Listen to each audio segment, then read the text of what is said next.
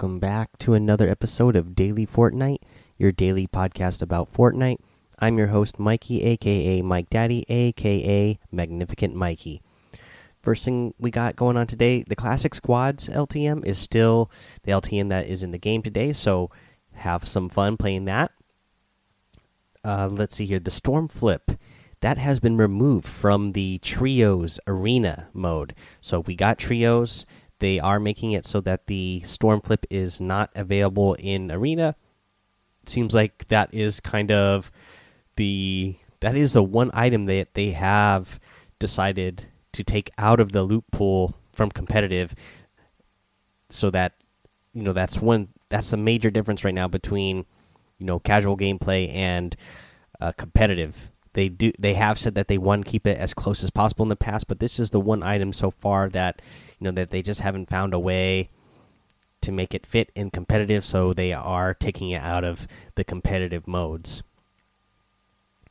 Let's see here. Speaking of the competitive modes we got another update today about the trios ca cash cup. So let's talk about that. Uh, they put a little blog up called trios cash cup and prizing updates uh, trios. This upcoming weekend, we will be having our first trios trios cash tournament kicking off in game Saturday, July 13th. The top 1,000 teams in each region will qualify for finals on Sunday, July 14th, to continue competing for prizing. Note the Stormflip will be disabled in the tournament playlist for this weekend's Trios Cash Cup, which we just mentioned. Uh, for the first time ever, Xbox One and PlayStation 4 players will be able to watch live matches that are currently in play directly from the leaderboard. As with all server replays, these matches will be on a five minute delay. So, if you guys, for you console players who didn't pay attention to this in the patch notes that we've read in the past, you know, PC players have been able to watch the tournaments live. You know, we us console players, we would watch, you know, we would watch the players stream, right? Or you would go watch the Fortnite stream, the Fortnite official stream, and watch the presentation of these cups. But PC players had a way that they could look at the leaderboard, they could pick a player, and then they could watch a game live. Again, there is a five minute delay, so you can't just, you know, you can't be stream sniping people because there's a five minute delay on when you could start watching the match. Uh, but the but the thing is, Xbox and PlayStation didn't have that option before. So now we have that option. When you go into the leaderboard, you'll be able to, you know, look down through the list of the leaderboard and pick pick a player, and then start watching one of their games. And that's really amazing. I'm really excited just for the content creation aspect. But you know, you're gonna be able to watch your favorite players live as well, their games, and you're going to be able to learn a lot about what they're doing uh, for those people who are at the top of the leaderboard. So I would definitely suggest uh, checking that out now that that's available to us Xbox and PlayStation uh, users. We've also worked to implement a temporary Arena Trios playlist so you can squad up and practice before the event this weekend. Scoring and bus fare is as follows. We went through this uh, on the episode the other day, so uh, we won't go through it there. Uh, for prize distribution and adjustments, when we built our pricing distribution calculations for previous online tournaments, we allocated prize pool numbers based on the total player participation in our tournaments for each region. Over the course of the Fortnite World Cup Online Opens, we saw a large participation boost in both Brazilian and European server regions. As a result, we've added more prize pool alloc allocation to these regions moving forward in future tournaments to be more in line with the most active competitive populations in each region. So, there you go. Some people think that, you know, maybe Fortnite would go down, but it looks like actually Brazil and the European, which was already one of the highest regions in the game, that's why they were getting the most players through in the tournament and they were already getting big prize pools they're getting even bigger because because of the Fortnite World Cup online opens their their competitive play actually went up so that tells you that even more players are trying uh, or more or more players are are attempting to play and participating than they even anticipated before the tournament started. So that only tells you that yeah, Fortnite's doing pretty good right now, and they're going to be adding more money to those prize pools for the Brazilian and European players. So that's pretty good. Come on, NA, let's uh, let's get in there. Make sure you make sure you're you're participating in these tournaments, especially you NA West, because I'm on NA West guys. NA West show up that way we can get more prize pool in the in the NA in the NA West region. Anyways, let's move on. Payment update. Over the past several weeks, we've activated our new payment system for some of our online open players. The new system is a two step process. The first step begins with an email directly from Epic Games to verify player information.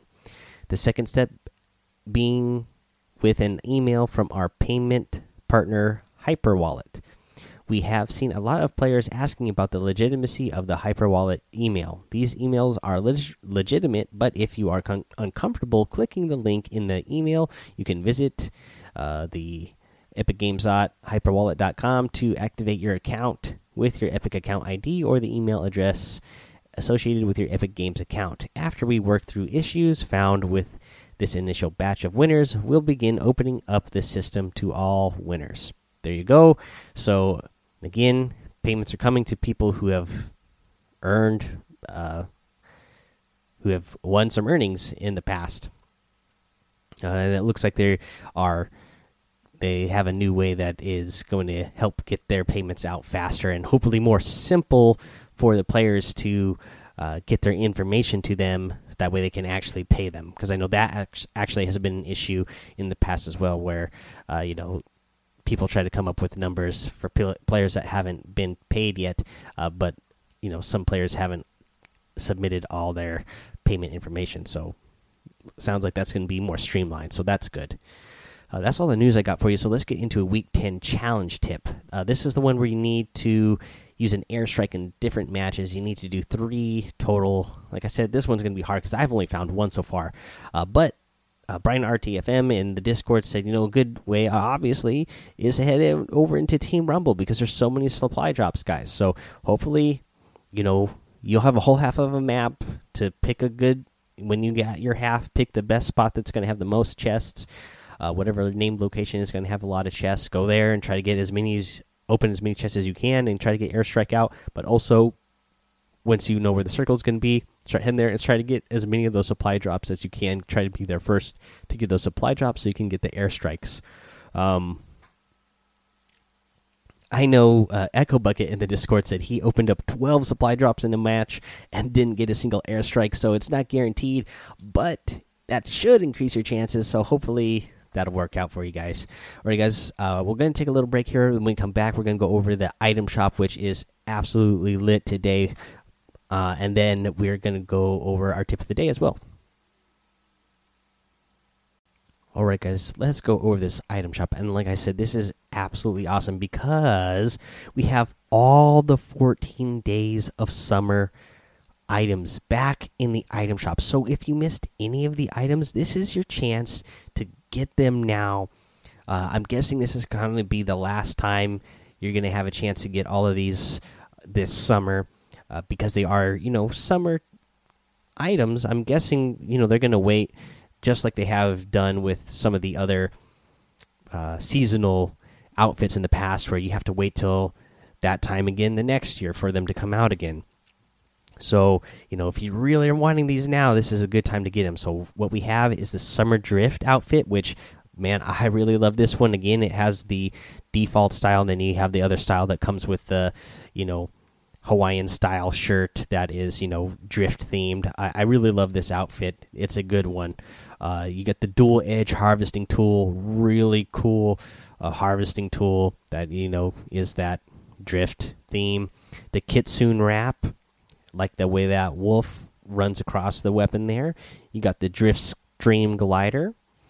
Uh, let's see here. You get the bright stars wrap the payload glider, that beach bomber outfit, guys. It's back in the item shop. If you for some reason missed it the first time around, eh, or you didn't have enough V bucks the first time around, It's back in there again, so here's your chance to get it because I know a lot of you in the Discord were talking about this one a lot before it came out. Everybody was waiting. When are they going to put it out? When are they going to put it out? It's almost getting to the end of the 14 days of summer. When are they going to put it out? And it came out towards the end. It's back again, so here's your chance to get it if you didn't if you didn't have enough when it came out. Uh, let's see here. You get that starfish outfit. Like I said, I'm a big fan of that outfit. I actually really like the way that one looks too. Uh, you get the conch cleaver and that man of war glider. Again, a big fan of man of war, uh, so really like that glider a lot.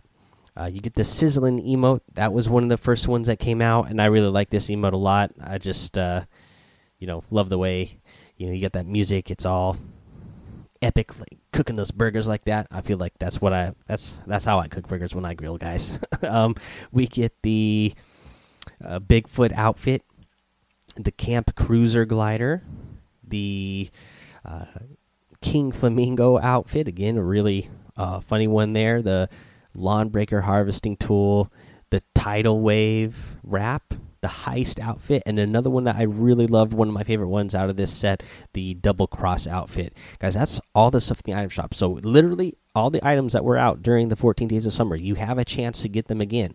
Uh, so here's your chance. Go get it. Um, if you guys are going to get any of the items in the item shop, I'd really appreciate it if you use that creator code Mike Daddy M M M I K E D A D D Y in the item shop because it does help support the show.